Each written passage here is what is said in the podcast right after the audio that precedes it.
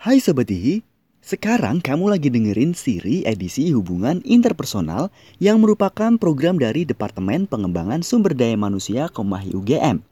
Bakalan ada banyak banget episode ngobrol santuy tentang topik dan tema yang menarik bareng sama teman-teman dari HI UGM yang tentunya inspiratif.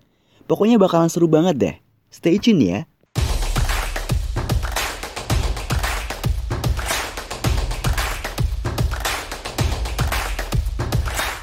Halo Sobat akhirnya ketemu juga kita di episode spesial yang judulnya Podcast Hubungan Interpersonal. Perkenalin dulu nih, nama aku Bumi dari Departemen Sumber Daya Manusia atau DPSDM yang akan membantu kalian dalam episode yang kali ini. Nah, di sini aku bukan jadi host ya, aku lebih jadi teman ngobrol di mana kita ngomongin suatu topik yang lagi menarik banget nih. Nah, topiknya apa sih sebenarnya? Kita bakal ngebahas tentang social justice warrior. Pasti teman-teman semua udah tahu ya kalau misalnya social justice warrior itu lagi hits banget gitu sekarang tuh semua orang tuh lagi ngomongin social justice warrior, apalagi di sosial media ya atau Twitter gitu terutama.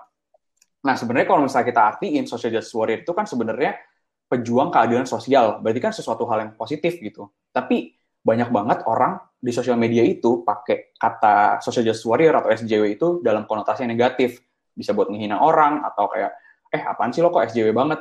Nah makanya kita bakal ngebahas nih tentang topik ini lebih dalam dan kita ngundang dua narasumber yang pastinya nggak kalah inspiratif. Yang pertama itu adalah Kak Sonya Teresa dari HI 16, dan yang kedua itu ada Dania Salsa dari HI 18. Halo Kak Sonya, halo Dania. Halo, hai Bumi dan sobat-sobat ini. Apa kabar nih, apa kabar? Lagi sibuk apa? Udah lama banget ya kita nggak ketemu. Baik banget ya, udah empat bulan ya kita nggak ketemu ya. Oh, banget, kita wow. banget ya, nongkrong di kampus.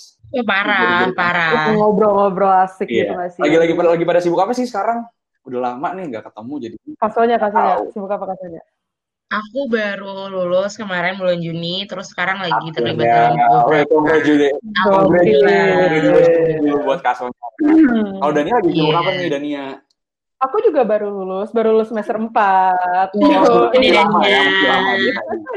masih lama, masih lama. Nah iya nih, jadi Kasonya dan Dania kita bakal membahas, ngobrol ya, ngobrol seputar social justice warrior, karena emang ini lagi hits banget, dan memang Kasonya dan Dania ini adalah social justice warrior yang kondang banget lah di HI, kayak semua orang tahu lah kalau misalnya mereka berdua memperjuangkan keadaan sosial gitu. Nah tapi buat eh, memulai obrolan kita nih, aku pengen tanya dulu nih ke Kasonya, sebenarnya menurut Kasonya Hmm. SJW atau social justice warrior itu apa sih? Iya, kalau dari definisi sebenarnya banget kan social justice warrior itu berarti translasi ke bahasa Indonesianya ya orang-orang yang memperjuangkan, ya, memperjuangkan eh, keadilan sosial ya dan itu sendiri tuh sebenarnya eh, meliputi banyak banget isu dan semua orang tuh bisa jadi social justice warrior.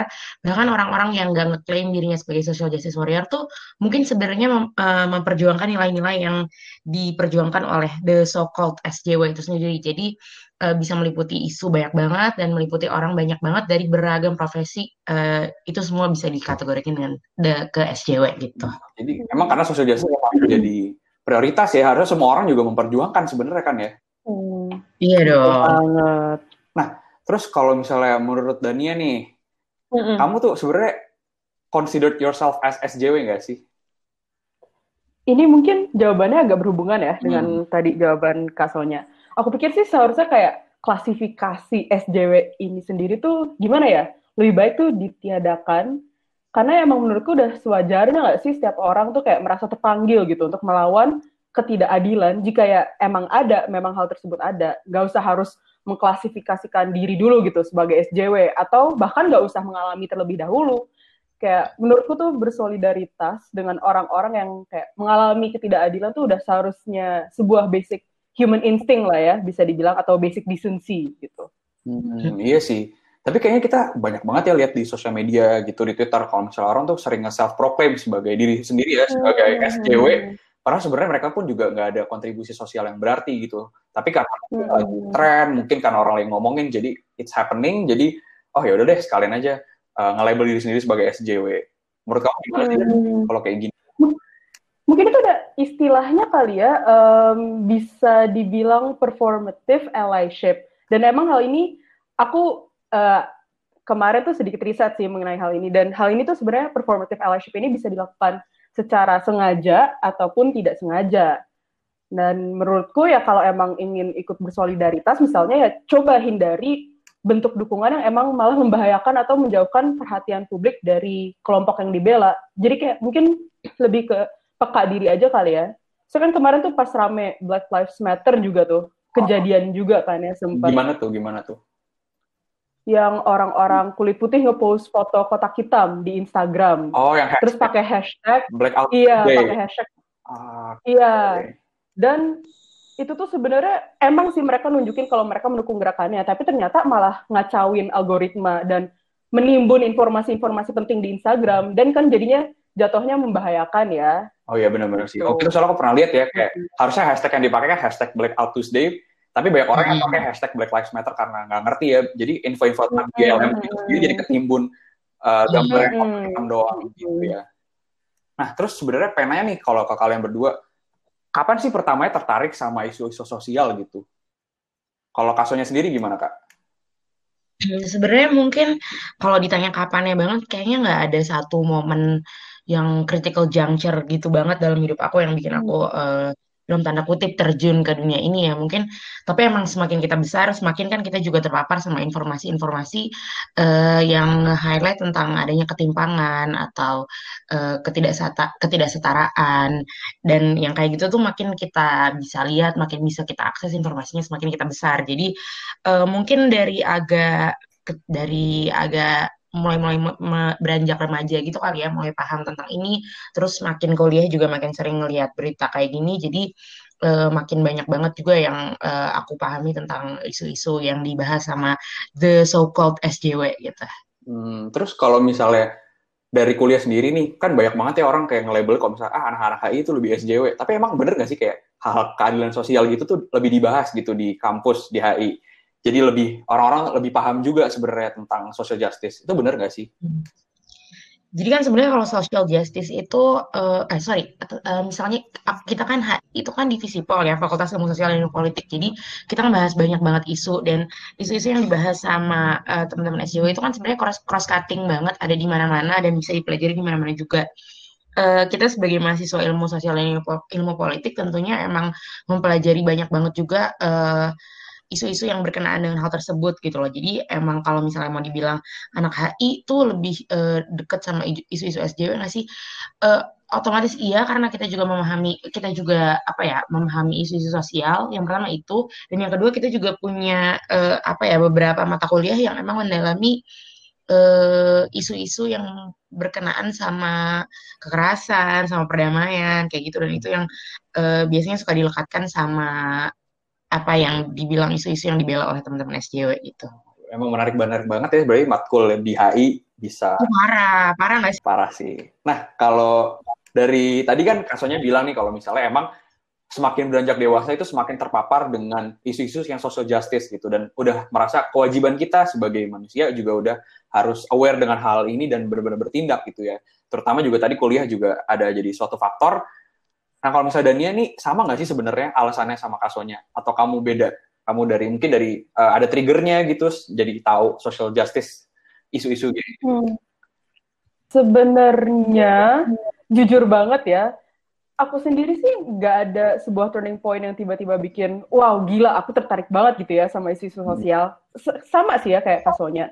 Lebih ke kumulatif sih kayak, dan memang aku pikir aku memiliki privilege tertentu ya untuk tumbuh besar di sebuah lingkungan yang bisa ngajarin kalau semua orang tuh emang memiliki hak yang sama terlepas dari identitas sosial mereka.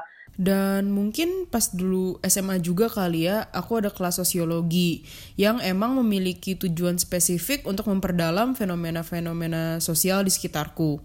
Dan waktu itu juga em, aku emang diajarin kalau sebagai individu yang memiliki beberapa privilege tertentu, misalnya aku orang Jawa yang beragama Islam, bertubuh sehat, dan tinggal di Indonesia, ya sudah seharusnya aku menggunakan em, tanda kun- tanda kutip keuntungan yang aku miliki untuk mengamplifikasi suara teman-teman kita yang selama ini hak-hak dasarnya tuh belum dipenuhi. apalagi dan kita juga itu ya sekarang kita kan hidup di era digital di mana informasi itu gampang banget didapetin ya. Jadi kayak sebagai orang yang bisa mengakses internet dan kita bisa ya kita bisa membaca kita kan istilah kita punya banyak privilege ya kita harus lebih aware lah dengan hal kayak gini dan uh, mengapresiasi Setuju. suara-suara teman-teman yang kurang less privilege gitu ya sebenarnya Setuju banget. Nah, terus uh, kalau dari kalian berdua nih, pengen tanya dong, kan social justice kan banyak nih isunya, uh, topiknya banyak. Kalian tuh paling suka sama isu yang mana sih sebenarnya? Kasonya dulu kali ya. Oke, okay, siap. Uh, untuk isu ya banyak banget sih ya sebenarnya nggak ada yang kayak ini satu. Ini ini ini yang paling gue cintai gue sukai gitu enggak karena kan emang misalnya kita ngomongin tentang social justice berarti kan kita kan mem, apa ya value-nya adalah kita memperjuangkan uh, keadilan gitu ya. Jadi sebenarnya isu apa pun itu ketika ada sebuah uh, dalam tanda kutip ya perjuangan keadilan mungkin itu uh, sering didalamin juga. Tapi mungkin akhir-akhir uh, ini yang emang lagi aku cukup apa ya cukup interest, cukup ikut riset dan ikut uh, ngebahas ini beberapa kali juga uh, adalah isu rasisme. Sebenarnya ini triggernya salah satunya mungkin tadi yang udah disebutin sama Dania juga uh, ada aksi Black Lives Matter berapa bulan yang lalu ya itu ya dan berapa sih uh, dua bulan yang lalu? Iya dua bulan kali ya. Mm -mm itu uh, ada price itu terus abis itu itu kan juga jadi uh, trigger untuk beberapa negara di dunia untuk ngomongin tentang rasisme di negaranya masing-masing. Begitupun uh, di Indonesia sebenarnya aku juga jadi mulai ngeriset tentang rasisme uh, terutama kepada teman-teman Papua karena uh, banyak orang-orang yang suka ngomong kalau misalnya permasalahan di Papua itu kan uh, permasalahannya tentang uh, ketidakmerataan pembangunan atau juga uh, karena apa uh, segregasi kayak gitu. Tapi uh, yang kemarin jadi banyak aku dalamin juga adalah bagaimana sebenarnya hal itu tuh ditopang dengan uh, elemen rasialisme gitu. Hmm, berarti emang walaupun topiknya banyak, itu sebenarnya saling berkorelasi ya. Bener banget, bener banget. Jadi uh, bisa banget kayak uh, sebuah uh, sebuah gerakan itu sebenarnya nge-reinforce gerakan lain uh, satu perjuangan dalam satu isu tertentu itu sebenarnya juga membantu isu lain kayak gitu. Kalau Dania punya nggak sih favorit uh, isu favorit gitu yang kamu dalami? Um, sebenarnya ya dari SMP atau SMA gitu, nggak tahu kenapa aku emang banyak baca buku tentang uh, gender ya dan sudah mulai ikut kegiatan seperti Women's March gitu karena mungkin menurutku isunya hits close to home. Tapi ya tadi uh, balik lagi ke perkata perkataan Kasonya, menurutku ya aku sendiri juga seharusnya sebisa mungkin mendalami sebanyak-banyaknya isu sih, karena ya memang semuanya kan berhubungan tadi ya, uh, everything is interconnected. Jadi kayak kita nggak bisa ngomongin tentang ketidaksetaraan gender tanpa menyangkut pautkan berbagai macam hal gitu. Seperti misalnya budaya eksploitasi yang diusung sistem kapitalisme misalkan. Mm-hmm. Dan ini bisa lagi merembet ke isu-isu lain seperti class struggle, climate change bahkan dan lain-lain. Gila, menarik. Emang emang nggak kepikir mungkin ya kalau misalnya uh, at first glance mm-hmm. gitu mungkin orang ngeliatnya kayak oh oh, aku cuma jadi SJW di bagian climate justice gitu. Padahal kayak sebenarnya hmm. kalau misalnya kita ngomongin climate hmm, justice juga kita kan ngomongin uh, kapitalisme, kita juga ngomongin patriarki gitu-gitu kan. Padahal kayak karena semuanya saling uh, Iya, ya. iya. Uh, gitu. Mm -mm. Nah, terus ngomong-ngomong nih kan uh, pasti ada dong sebuah tokoh gitu atau orang yang kayak kalian suka atau jadi inspirasi uh, untuk apa ya ber pendapat lebih untuk melakukan lebih dalam uh, ranah social justice gitu. Punya nggak sih kalian tuh suatu se seorang tokoh yang menjadi panutan atau inspirasi gitu? Kalau aku ya, hmm. kalau aku uh, sebenarnya satu banget sih kayak gak bisa ya kalau misalnya cuma satu doang karena sebenarnya banyak banget sih yang uh, gue rasa, eh, aku rasa ngeinspirasiin aku untuk uh, melakukan banyak hal. Gak cuman uh, the so-called aktivis yang maksudnya uh, gak cuman orang-orang yang terkenal karena aktivismenya, tapi juga banyak um, karena orang-orang sekarang uh, isunya udah semakin beragam dan banyak banget orang-orang yang uh, semakin memperjuangkan social justice itu sendiri. Jadi nggak cuman jadi nggak cuman uh, satu dua tapi banyak banget.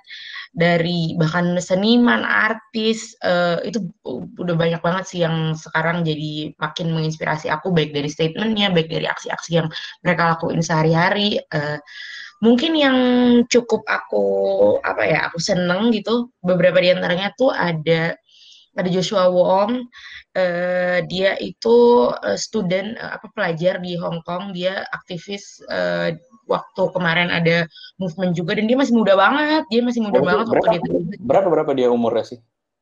Sekarang sih 23 sekarang jadi dia tuh kayak gak, gak Gila, muda umurnya sama aku. Tapi hmm, waktu aku lupa itu tahun berapa. Jadi dia masih masih muda banget tapi dia udah memulai movement. Dan menurut aku itu keren banget sih terutama uh, buat aku yang juga masih muda ngeliat Joshua Wong nih kayak ih gila keren banget. Kayak uh, gue umur segini belum ngapa-ngapain tapi Joshua Wong udah keren banget gitu. Terus selain itu juga mungkin dari ranah akademisi gitu ya ada Zizek. Aku seneng banget sama Zizek uh, pandangannya dia waktu apa aku apa pandangan dan aksi dia waktu Occupy Wall Street itu 2000 berapa coba 2008 ya kalau nggak salah hmm. itu juga aku seneng banget sama uh, Zizek terus sebenarnya banyak, banyak banget sih nggak uh, cuman mereka uh, bahkan di dalam negeri juga kan sebenarnya banyak banget ya uh, yang melakukan aktivisme aktivisme kayak gitu kemarin juga sempat dibahas kayak Glenn Fredly gitu juga oh, iya, iya. sering ngomong Ya, kan? ternyata kayak aktif banget ya di ranah. Iya, ternyata apa aktif banget. Jadi kita bisa ngeliat bahwa sebenarnya yang apa ya, yang SJW nih, yang yang yang ngomongin tentang social justice ini banyak banget orang loh gitu. Dan keren-keren banget orang-orangnya. Dan kadang-kadang emang bisa apa ya, ternyata deket dari kita nggak sih inspirasinya? Karena Bener. aku aku sendiri hmm. terinspirasi hmm. gitu dan dari Dania. Kan kita kelas ya kita sering ngobrol. Wow. Bisa jadi semoga berarti juga kasonya sama Dania bisa jadi inspirasi buat sobat hi yang lain ya sih? ini juga mas kasonya kasonya semua bisa semua bisa semua bisa nah terus pengen tanya deh kalian kan uh, aktif banget ya di ranah aktivisme gitu. Nah sekarang tuh lagi pada sibuk apa guys? Lagi ada kegiatan apa sih kayak? Hmm, apakah riset mungkin atau ikut organisasi gitu? Dan ini lagi sibuk apa dan? Um, mungkin kalau dari segi event per eventan oh. ada Jog Jogja International Model United Nation ya Join Moon dan event-event um, kayak earphone kali sih yang yang kebetulan banget tema besarnya tahun ini ngomongin tentang keadilan iklim tapi selain itu juga um, kebetulan aku lagi mengampu tanggung jawab nih sebagai asisten risetnya Damai Pangkal Damai atau DPD. Apa tuh DPD? Nah, DPD itu sebenarnya sebuah um, database ya yang merekam aksi nir kekerasan di Indonesia pasca reformasi. Tapi selain itu juga kita punya akun Instagram nih, bisa banget di follow. Oh, Damai Pangkal oh, Damai. Okay. Tapi tadi bagus ya, bagus banget. Dan jujur, Twitter jujur. at nir kekerasan. Follow ya, ya guys. Yang memuat berita-berita aksi nir kekerasan untuk menentang berbagai macam ketidakadilan di seluruh dunia beserta analisisnya. Gila, gila. Keren, keren okay. banget sih emang. Aku juga sering, sering banget ngomongin apa konten-konten DPD karena sebenarnya gampang dipahami terus juga visualnya menarik. Jadi Oh, wow. Perfect kok. Aku juga udah follow Dania, aku juga udah follow. Oh, makasih banyak ya Kak Sonya. Kalau kalau Kak Sonya lagi sibuk apa nih, Kak? Aku aku baru lulus kan kayak tadi, jadi aku masih uh, nyari-nyari kerjaan juga. Tapi untuk beberapa bulan kebelakangan ini aku uh, lagi terlibat dalam uh, beberapa penelitian. Terus mungkin yang bisa dibilang dalam tanda kutip SJW SJW gitu. Uh, aku aku sekarang lagi terlibat dalam penelitian yang uh, memetakan kebijakan-kebijakan diskriminatif di Jawa Barat, uh, terutama kebijakan diskriminatif yang menyasar minoritas gender dan minoritas agama. Terus uh, sebenarnya selain lagi terlibat dalam riset juga uh, dalam dalam proyek riset besar itu aku juga punya uh, riset independen ya uh, apa ya riset ala ala gitu. Sama teman-temanku teman-teman anak HI juga. Anak HI kan keren-keren ya. Iya parah, parah. sama parah sama teman-teman seangkatanku juga uh, untuk ngomongin tentang isu Papua kayak yang tadi aku udah ngomongin Terus karena kan kita kan emang lagi pandemi gini ya, jadi memang mungkin ada beberapa apa ya uh, ruang gerak kita mungkin nggak sebebas dulu. Jadi emang yang sering dilakuin belakangan ini aktivisme digital uh, bisa dari berbagai cara banget. Tapi mungkin aku dan teman-temanku ini memutusin untuk dari cara-cara tulisan. Jadi emang beberapa uh, bulan kebelakangan ini mencoba untuk memproduksi tulisan juga tentang diskriminasi atau tentang isu rasialisme kepada teman-teman Papua gitu. Eh katanya itu ngomong-ngomong tentang tulisan, aku beberapa bulan yang lalu ya, saya pernah baca nih artikel di The Conversation yang nulis kasonya Teresa nih. Emang bener ya? Itu pernah diterbitin di The Conversation. Bener nggak sih, Kak? Iya, alhamdulillah. Alhamdulillah udah sempet satu diterbitin ini kemarin itu sih kayak yang tadi aku udah, udah singgung dikit juga kayak karena uh, Black Lives Matter itu kan jadi uh, kita juga punya momentum untuk ngomongin teman-teman Papua uh, untuk ngomongin isu rasisme yang di Papua Terus uh, apa ya? Aku dan teman-teman mencoba untuk meng-highlight bahwa selama ini kita uh, nggak nggak ngomongin tentang isu rasisme itu, tapi kita ngomongin dari berbagai uh, kacamata lain. Padahal dengan kita ngomongin isu rasisme itu sendiri, sebenarnya kita bisa secara lebih komprehensif mengurai permasalahan di Papua gitu loh. Kadang kita suka apa ya kita suka kejebak dalam ngomong udahlah nggak usah bawa sara udahlah nggak usah bawa sara kayak gitu padahal sebenarnya rasisme itu udah kita praktikan selama ini dan kita nggak nggak berani untuk secara gamblang ngomongin itu karena demi dalam tanda kutip harmoni gitu padahal penting loh untuk ngomongin ini gitu makanya kemarin aku sama teman-teman nulis terus kalau misalnya mau baca nih boleh baca dong dibaca boleh promosi ya promosi Judul tulisannya Jebakan Sarah dalam Praktik Rasisme Terhadap Warga Papua. Itu di okay. The Conversation. Oh gila, emang menginspirasi banget ya tulisannya udah di ke The Conversation. Eh dan juga teman-teman kalau misalnya mau apa kalau misalnya seneng nulis juga nih, seneng uh, ya mencurahkan aktivisme lewat tulisan, banyak banget loh uh, hmm. kanal-kanal yang membuka uh, secara digital dan terbuka untuk umum gitu, nggak cuma The Conversation, ada hmm. Tirto, hmm ada apa lagi ya? Magdalene. Magdalene. Magdalene. Hmm, conversation dan banyak lagi sih. Jadi emang salah satu cara buat kontribusi ke keadilan sosial itu juga bisa dari menulis ya. Yes, hmm. salah satunya banget. Terus tadi juga kayak kan misalnya nih kan pada lagi sibuk nih apa eh, kasusnya lagi sibuk riset dan dannya tadi juga sibuk di event atau sama damai pangkal damai juga ya. Nah hmm, mungkin kalau hmm, misalnya apa sih yang bisa kita lakukan gitu atau teman sobat hi lakuin kalau misalnya pengen ikut juga bergabung di damai pakal damai misalnya atau kayak okay. pengen juga ke aktivisme gitu itu gimana sih uh, apa sih punya punya tips gitu nggak kayak ngelakuin apa gitu um, kalau misalnya event-event seperti Join Moon dan Airphone mungkin bisa daftar sebagai peserta atau panitia ya sesuai jadwal mainnya kebetulan kalau DPD lagi nggak oprek, tapi ya tetap stay tune aja. Nah, sebenarnya kalau mau ikut berkontribusi juga masih ada sih banyak cara lainnya gitu ya. Intinya di UGM misalkan ada banyak banget komunitas yang emang dibuat untuk melakukan advokasi mengenai isu-isu sosial tertentu. Uh, ada Grow Up Chapter UGM gitu ya, misalnya yang memang fokus ke advokasi isu gender. Ada juga kalau nggak salah Bye Bye Plastic Bag yeah, yang yeah, fokus yeah. ke isu lingkungan ya kan? Yeah, pasti kalian udah dengar ya dan kayak masih banyak lagi nggak sih kan? Deh di mana yang kayak, kayak kalian bisa langsung daftar deh intinya sebagai anggota dan selain itu juga aku pikir banyak banget nggak sih yang kayak kesempatan kesempatan lainnya yang bisa ngebuat kalian lebih peka mengenai isu-isu sosial di sekitar kalian misalnya melalui uh, microcore seminar dan lain-lain dan maksudnya kayak dengan edukasi diri sendiri pun juga udah iya, iya. kontribusi ya Iya bener banget. Bener banget. Atau bisa lewat TikTok juga kali, biar kayak apa fans BTS, tau gak sih guys? Iya keren tuh, sebenarnya keren bener, banget. Bener, bener, bener. Learning kan can be fun, yo. Iya, iya. ternyata kayak maksudnya kayak bisa segede gitu ya impactnya kayak fans-fans K-pop. Hmm. Itu mereka hmm. waktu itu pernah apa, gagalin Trump rally ya?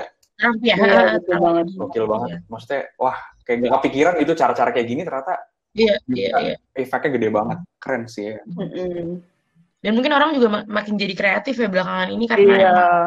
lagi pandemi dan segala macam kita jadi lebih semakin memutar otak untuk uh, terlibat dalam iya. aktivisme gitu. Iya, bagi aktivisme digital ya sekarang lagi marak-marak yes. kayak gitu. Oh, iya, lagi booming banget. Nah, iya, nah terus ya sebenarnya ngomong-ngomong tentang digital nih, pengen apa pengen nyinggung nih tentang waktu itu sempat ada insiden ya di Twitter tentang ada seorang perempuan gitu dia membuatkan bekal buat suaminya, terus tiba-tiba ada the so-called SJW yang nyerang kayak ngapain sih uh, bikin bekal kayak dibayar aja enggak terus uh, atau juga ada juga akun-akun kayak misalnya teks dari feminis yang mungkin ya menurut aku in some ways mereduksi apa yang selama ini dilakukan feminis misalnya atau juga mereduksi akhirnya uh, term SJW itu sendiri. Jadi kayak kalau misalnya di Twitter pasti nanti ada orang-orang yang udah mulai meng menjadikan SJW itu jadi hinaan gitu. Kayak misalnya kayak aku lagi ngomongin uh, isu ini terus kayak apaan sih SJW banget? Jadinya kayak oh ya udah jadi shut people's opinion down gitu. Nah, so kayak menurut hmm. kalian tuh hal-hal kayak gini tuh gimana sih? Ini mau siapa dulu nih yang jawab? Dani ya boleh dong. Oke, kebetulan banget nih kemarin aku sempat ikut webinar CFDS yang ngebahas tentang SJW juga. Dan uh, benar sih, uh, sebenarnya dulu kata SJW itu kan digunakan secara positif ya, tapi semenjak adalah satu kontroversi Gamergate. Mungkin nanti kalian bisa Google sendiri-sendiri kali ya. Jadi kata peoratif. Dan gimana ya, menurutku bersangkutan juga nih dengan fenomena-fenomena sekarang ini. Sama aja kayak dulu, kata SJW itu jadinya digunakan sebagai senjata ya istilahnya untuk membungkam dan menjatuhkan orang-orang yang emang menuntut adanya keadilan sosial melalui perubahan-perubahan tertentu. Dan gimana ya, menurutku munculnya akun-akun seperti teks dari feminis dan kerisihan lah istilahnya ya, yang dialami kelompok-kelompok mayoritas itu um, bisa dianggap agak normal sih ya, karena emang kan perubahan tuh butuh penyesuaian ya. Dan agak wajar sih menurutku untuk merasa kaget kalau orang-orang ini tuh uh, atau kayak tiba-tiba ada yang ngasih tahu lo bahwasanya struktur dan kultur yang selama ini kalian anggap sebagai comfort zone kalian itu sebenarnya merugikan kelompok lain dan harus dibongkar lah istilahnya dan ditata ulang. Jadi merasa kayak challenge gitu ya sebenarnya sama iya, keadaan oh. sekarang gitu dan mm-hmm. mungkin banyak orang juga yang belum siap menerima perubahan gitu iya, belum iya. membuka pikiran ya terhadap perubahan gitu. Mm-hmm. Kalau menurut saya gimana kak tanggapannya terhadap isu ini? Eh, bener banget, gue sependapat banget sama Dania. Kalau misalnya uh, banyak orang yang uh, kontra mungkinnya terhadap uh, SJW dan pada akhirnya mereduksi term dari SJW itu sendiri. Bener kata Dania, dulu tuh itu dijadiin sebuah sesuatu yang positif loh. Itu tuh sebuah pujian gitu loh ketika orang di, dibilang mm -hmm. SJW. Dan sebenarnya kalau sampai sekarang gue juga dikatain SJW, ya sebenarnya oke-oke aja gak sih? Dan oh, kayak... Iya, ya, bangga, ya, bangga lah. Iya lah, orang gue memperjuangkan yang yang benar gitu ya. Tapi Yo, Iya lagi-lagi. Emang banyak orang-orang yang uh, ketika ketika ya perubahan itu kan gak gampang. Perubahan itu kan biasanya disebelin sama seseorang. Terutama apalagi kalau misalnya sesuatu yang lo udah percayai selama ini sebagai sesuatu yang benar terus tiba-tiba ada orang yang bilang eh itu salah lagi. Itu tuh bikin itu berdampak buruk lagi pasti lo biasanya bete sih. Belum lagi uh, beberapa cara yang uh, the so-called SJW ya beberapa orang uh, yang di Twitter itu sering banget pakai uh, nge-call out dan langsung dan langsung pakai cara yang konfrontatif. Jadi kadang orang-orang juga nggak siap dan orang-orang langsung kayak akhirnya defensif dan salah satu tindakan uh, salah satu outcome-nya adalah ya gitu bikin-bikin uh, apa tadi? Apa bum? Nama akunnya bum? Teks dari feminis apa gimana gitu kan itu ya ya wajar aja gitu. Mereka mereka pada pada sebel gitu loh. Cuman kadang yang uh, aku tidak apa ya tidak juga mengokekan itu semua tidak membenarkan 100 secara 100% karena kadang yang mereka lakuin itu uh, mengkritik uh, apa ya itu me, me, mencegah kita dari mengkritik apa yang harus dikritik gitu loh. Jadi kadang kan mereka cuma ngomong, halo lo sok bener aja gitu lo lo cuma mau sok bener aja nggak apa hmm. uh, lo pengen kelihatan oke okay aja gitu loh Uh, dan itu sebenarnya nggak nggak bukan bukan kritik yang sebenarnya substantif gitu loh bagi sebuah gerakan. Dan misalnya kalau misalnya pun mau mengkritik gerakan mau mengkritik uh, eh, SJW harusnya kan bisa mengkritik uh, apa bagaimana mereka inkonsisten atau mereka sering uh, blinded by their privileges yang seperti itu itu gitu loh. Tapi kadang orang-orang langsung mainin identitasnya aja gitu loh. Jadi kadang jadi tidak uh, produktif juga.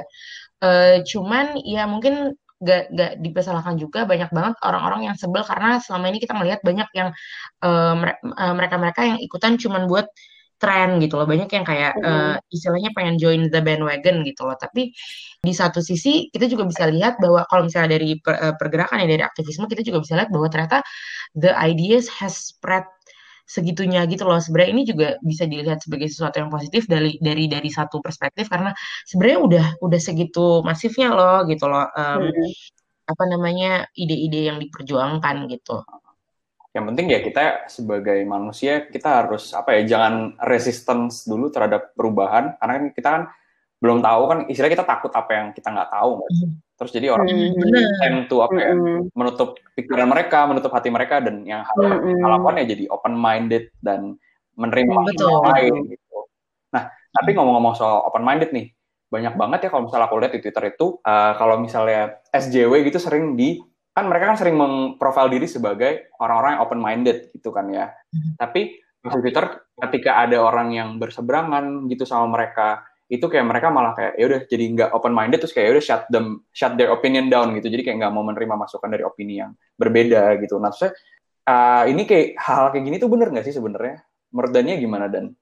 Um, gimana ya? Mungkin ini uh, bisa dihubungin juga ke miskonsepsi orang-orang tentang SJW itu sendiri ya. Dan sebagai um, gimana ya? Sebagai SJW itu gimana sih cara mengubah miskonsepsi ini? Ya, aku pikir kuncinya adalah maintain a good dialogue ya. Hmm. Ini um, aku belajar juga sih dari kelas negosiasi dan resolusi konflik. Um, intinya hindari melakukan gimana ya hal-hal yang akan mendorong orang-orang dengan pandangan beda untuk mengecap kita sebagai musuh yang emang gak bisa diajak ngomong baik-baik dan gak pantas didengerin. Jadi mungkin dari kitanya sendiri juga jangan merasa paling superior kali ya. Kalau bisa, tadi Bumi udah nyinggung uh, sedikit sih, ya kalau bisa dengerin dulu lah ya pandangan dan perspektif mereka. Coba lihat um, resistensinya muncul dari mana. Hmm. Emang agak susah sih ya, karena siapa sih yang gak bakal sedih gitu atau marah menghadapin orang lain yang ngebela adanya penindasan kelompok tertentu. Tapi ya kalau emang orangnya emang belum bebal, aku pikir ya mereka akan lebih menerima opini kita dan terbuka dengan adanya perubahan kalau kita nggak langsung nge-cancel gitu ya hmm. istilahnya dan nggak ngehujat secara massal orang yang pandangannya beda gitu dari kita misalnya. Cancel Mungkin culture ya berarti ya cancel. Iya cancel culture. Berarti ya sebenarnya. Setuju banget tuh. Berarti sebenarnya kalau misalnya SJW SJW itu yang apa ya mereka nggak mau menerima opini dari orang yang berseberangan itu sebenarnya nggak benar juga ya. Iya iya iya iya. benar. Banget tuh. Uh, aku setuju sih sama Dania kayak uh, seharusnya ya being open minded means kita juga nggak uh, langsung cancel apa yang orang lain omongin gitu. Uh, we need uh, we need to know where it came from. Kita juga harus ingat bahwa ada loh berbagai macam hal yang uh, mempengaruhi decision making seseorang atau juga mempengaruhi uh, informasi yang, di, uh, yang dimiliki oleh seseorang. Kita juga harus ingat bahwa pengetahuan kita itu tuh privilege. Jadi uh, salah satu salah satu bentuk tanggung jawab dari privilege itu sendiri adalah dengan mempergunakannya, dengan membagikannya uh, dengan metode-metode yang berbagai macam dan salah satunya adalah dengan uh, opening dialogues dengan mereka yang berseberangan dengan kita. Mungkin aja kita bisa hmm. bisa ngebaca apa ya literatur-literatur tentang tentang uh, gender, tentang feminisme, tentang uh, kapitalisme, tapi mereka-mereka yang selama ini punya pandangan berseberangan tuh nggak pernah punya kesempatan seperti kita gitu loh. Jadi kita tuh harus jadi jembatan juga karena kita emang udah punya privilege untuk mengakses informasi-informasi tersebut gitu. Jadi in some sense sebenarnya kita juga punya responsibility ya sebagai orang yang oh, lebih betul. privilege gitu. Kita punya edukasi yes. yang tentang hal kayak gini dan kita harus maintain lah tetap dialog sama orang-orang yang berseberangan opininya sama kita ya. Hmm.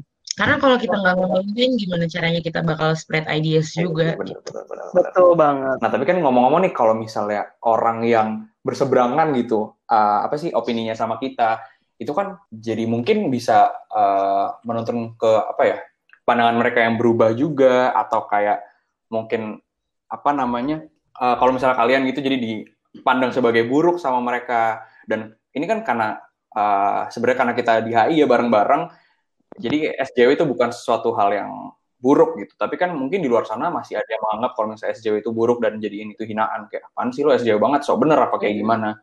Nah, aku sih pernah, pernah denger ya dari temanku kalau misalnya dia dikatain SJW, padahal kayak hmm. Ah, ngapain juga harus merasa offended gitu, malah harusnya bangga gitu. Nah terus kalau Dania, Dania gitu pernah gak sih kalau kamu kan kalau di kelas hmm. gitu kan emang disering dikatain hmm. SJW SJW dan kayak ya udah gitu keren. Tapi kalau hmm. misalnya di luar gitu, di luar HI pernah nggak sih dikatain gitu dan? Uh, um, palingan hmm. kalau lagi kumpul bareng teman-teman SMA sih ya, kalau misalnya liburan gitu ya. Karena emang juga um, mereka emang melalui media sosial tuh sering lihat postingan aku gitu tentang beberapa isu sosial tertentu. Dan ya mungkin karena itu tadi ya um, bisa dihubungin juga dengan pembahasan kita tadi, mungkin beberapa dari mereka istilahnya okay. belum pernah digampar realita ya. Dan mungkin belum kepikiran aja sih bahwasannya praktik-praktik yang selama ini mereka lakukan tuh ya melanggengkan adanya kesenjangan sosial. Tapi jujur aku sendiri sih kayaknya nggak terlalu merasa risih kalau disebut SJW atau dipanggil label-label lainnya yang memiliki konotasi buruk sih ya. Toh yang penting tuh aku benar-benar berkomitmen gitu untuk bekerja untuk kemanusiaan. Ya paling tantangannya nanti terletak di kesanggupan aku sendiri dalam membuka dan menjaga ruang dialog tersebut bersama orang-orang yang emang ya, memiliki jangan pandangan takut berbeda. ya dipanggil SJW atau dikatain SJW karena kayak kan kita melakukan hal yang benar, ngapain kita harus takut gitu untuk melakukan hal yang benar ya? Hmm, yo, hmm, bener nah, banget. Terus Jadi kalau misalnya gitu, tadi nih ya, orang-orang masih gitu orang-orang yang berseberangan ini tadi ya, gimana sih kalau dari Kasonya dan Dania ya untuk mengubah miskonsepsi mereka tentang term SJW itu sendiri gitu biar nggak menggunakannya sebagai sebuah istilah yang peyoratif. Uh, ya mungkin sama uh, kayak kata Dania tadi uh, we need to always maintain a proper dialogue dan juga uh, apa ya jangan juga kita terlalu jangan juga kita terlalu berlarut-larut tentang uh, apa ya mencoba untuk memperdebatkan the term SJW itself sehingga pada akhirnya kita kontraproduktif. Tapi ayo uh, kita yang apa ya para pejuang pegiat social justice ini ya let's do our work sambil kita mencari metode-metode apa sih yang paling uh, enak apa sih yang paling kreatif. Jangan uh, kita jangan berhenti dengan metode-metode yang udah ada kita cari tahu lagi, kita coba untuk create new methods, uh, menjadi kreatif untuk uh, cari hal-hal yang bisa kita lakuin dan ya itu jangan berhenti aja sih kalau menurut aku. Hmm, gitu. Nah, kalau Dania gimana Dan? Menurut kamu gimana? Aku setuju banget sih sama Kak Sonya. Dan mungkin aku mau ngereiterasi lagi sih ya, tadi poin-poin yang udah kita bahas. Uh, seperti contohnya itu hindari uh, hindari adanya enemy construction gitu ya, maintain a good dialogue gitu toxic intinya. Sih, toxic Dan banget. itu tadi cancel culture yang menurutku emang agak bahaya gitu ya. Maksudnya kayak ya udah toh dialog tuh penting banget gitu kan untuk tahu juga letaknya kenapa mereka resisting uh, opini-opini Berarti- orang lain atau opini-opini ya tetap ya makanya kayak tetap harus tetap maintain proper dialog tetap harus uh, oke jangan kita jangan fall into the cancel culture tetap educate ourselves gitu gitu ya Betul, betul. Setuju banget tuh, Bum. Jangan lupa juga bahwa kita juga tetap harus belajar, kita juga tetap harus cari tahu informasi-informasi terbaru gitu. ini kayak berarti juga kayaknya sobat Hi udah terinspirasi banget lah ya iya. sama obrolan kita hari ini karena insightful banget gak sih guys Iya banget. banget. Apalagi Dania salsa. ya jadi kayak Banget uh, aku mau ngucapin thank you Oh, itu banget nih sama. Kasonya dan Dania udah mau jadi uh, narasumber pertama kita di episode spesial ini semoga kayak kalian juga senang lah ya di invite ke sini dan kita ngomongin tentang hal Wow, oke. yang Makasih substantif ya kayak gini ya. ngundang. Senang banget. Thank you banget, Bumi. Nah, pokoknya Sobat Hihi juga jangan lupa nih, kalau nanti di depan-depannya kita juga bakal seru punya banget, seru banget. uh, episode spesial ini yang bakal nge-cover topik yang banyak banget dan pastinya nggak kalah menarik dan pastinya menghadirkan juga sosok yang lebih inspiratif. Nggak kalah inspiratif lah dari Kasnya dan Dania. Oke, mungkin segitu dulu. Uh, Gue Bumi, thank you guys. See you next time. Thank you, dadah.